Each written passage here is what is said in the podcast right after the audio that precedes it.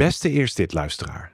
Ik ben David van Dit is de Bijbel. De podcast waarin ik wekelijks met een expert over de mooie, moeilijke en merkwaardige kanten van de Bijbel praat. We waren er even tussenuit, maar we zijn weer terug met een nieuw seizoen. De eerste aflevering is nu al te beluisteren en gaat over humor in de Bijbel. Deze week met Pasen buigen we ons over de betrouwbaarheid van het paasverhaal, de opstanding dus. En de week erop gaat over God als vader. En misschien ook wel als moeder. Ja, boeiende en leerzame thema's dus in Dit is de Bijbel. Je kan het luisteren via de Eerst Dit app of abonneer je op Dit is de Bijbel in je favoriete podcast app. Dan hoef je elke zaterdag geen aflevering meer te missen. Hopelijk luister je mee naar Dit is de Bijbel. Eerst dit, de Bijbelpodcast van de Evangelische Omroep IZB en NPO Radio 5, die je elke werkdag helpt ontdekken wat Jezus volgen voor jou betekent. Vandaag door Kees van Ekris.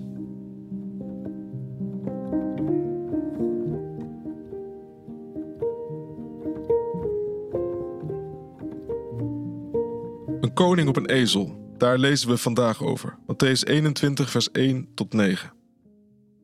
Toen ze Jeruzalem naderden en bij Betfage op de Olijfberg kwamen, stuurde Jezus er twee leerlingen op uit.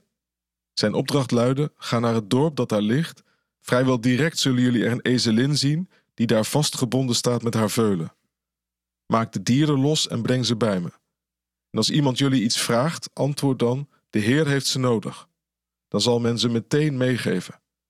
Dit is gebeurd opdat in vervulling zou gaan wat gezegd is door de profeet. Zeg tegen Sion: Kijk, je koning is in aantocht. Hij is zachtmoedig en rijdt op een ezelin en op een veulen, het jong van een lastdier. De leerlingen gingen op weg en deden wat Jezus hun had opgedragen. Ze brachten de ezelin en het veulen mee, legden er mantels op en lieten Jezus daarop plaatsnemen. Vanuit de menigte spreidden velen hun mantels op de weg uit. Anderen braken twijgen van de bomen en spreidden die uit op de weg. De talloze mensen die voor hem uitliepen en achter hem aankwamen, riepen luidkeels: Hosanna voor de zoon van David. Gezegend hij die komt in de naam van de Heer. Hosanna in de hemel.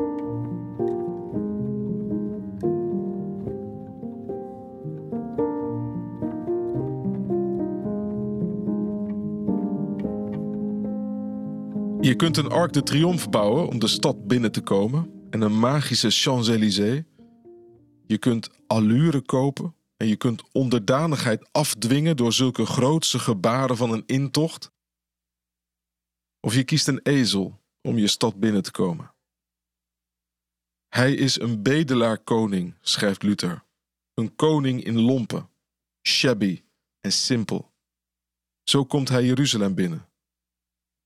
We hebben in het evangelie Jezus zien bidden in de eenzaamheid. We zagen hem in woede tafels omgooien.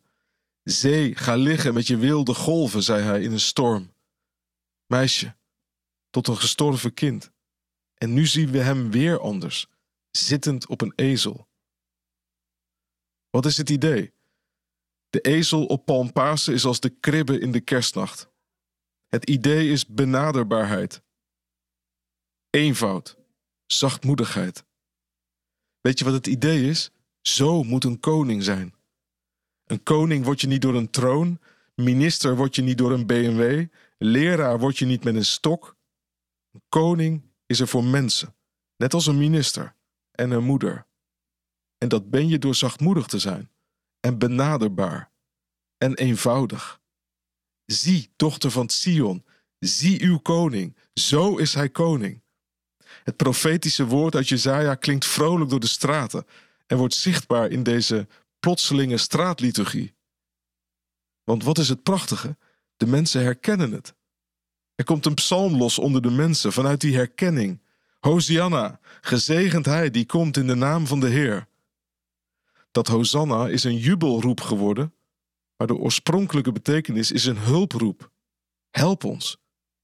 En dat hoor je in de straten in de jubel als ze even zien dat zo de koning is, zo nederig en benaderbaar. Help ons, Hosanna. Dat is het geheim.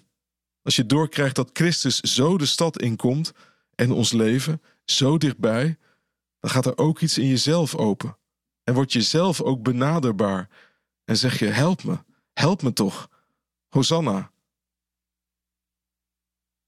Jezus betreedt de stad, wetend dat de stad hem zal vermoorden. In een ander evangelie staat dat hij weent. Deze stad, deze bijzondere stad, Jeruzalem, stad van beloftes, stad van teleurstelling, stad die om kan slaan in woede en wraak, die profeten vermoordt, stad van vrede, van David dansend in zijn hemd, stad die kan sterven, sterven van vertwijfeling. Maar ook stad waarin altijd mensen gevonden worden die op God wachten. Dat is het geheim van Israël en van Jeruzalem. Dat is het geheim van Advent, als blijkt dat Simeon en Anna wachten, en Maria en Elisabeth. Dat is het geheim van Palmpasen, als even in de straten de liturgie opvlamt onder Joodse mensen. Deze is het. En zo zal hij koning zijn, zo dichtbij. En hier hebben wij op gewacht. Ik houd van Palmzondag.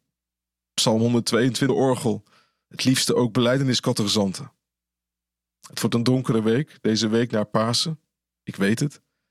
Ik weet dat ik vrijdag wegvlucht. Ik weet dat ik zaterdag vroeging heb. Maar ik weet ook dit: dat als ik een glimp van deze koning zie, dat iets in mij ook begint te zingen. Vooral omdat ik voel dat hier de ware gestalte van Israël en van de kerk zichtbaar wordt. In zachtmoedigheid en eenvoud, dicht bij de mensen. Zo is Hij, zo zullen wij zijn. Herder door God gegeven, en wij zijn schapen. Niet in retorische power zal Hij komen, niet in lichtshows die je zintuigen verdoven, niet in liturgische praal of in elitaire woorden. Iedereen van ons moet gestript worden van dat waarmee we pretenties hoog houden. Het geheim ligt in deze shabby koning, die zo dichtbij komt dat een shabby iemand als ik begint te zingen. Hopelijk jij ook. Benedictus, Hosanna, help me. Geprezen zijt gij, en dat door elkaar heen, eindeloos door elkaar heen, tot het eindigt in een laatste Hosanna.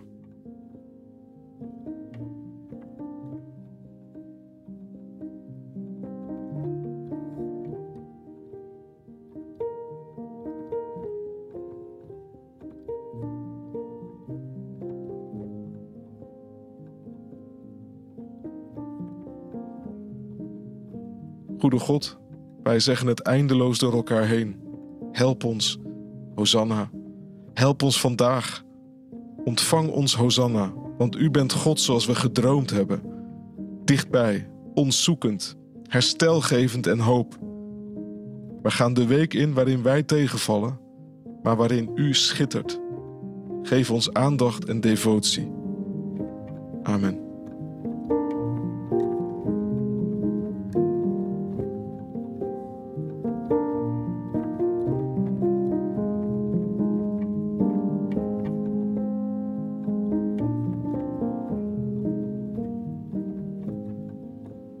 Bye.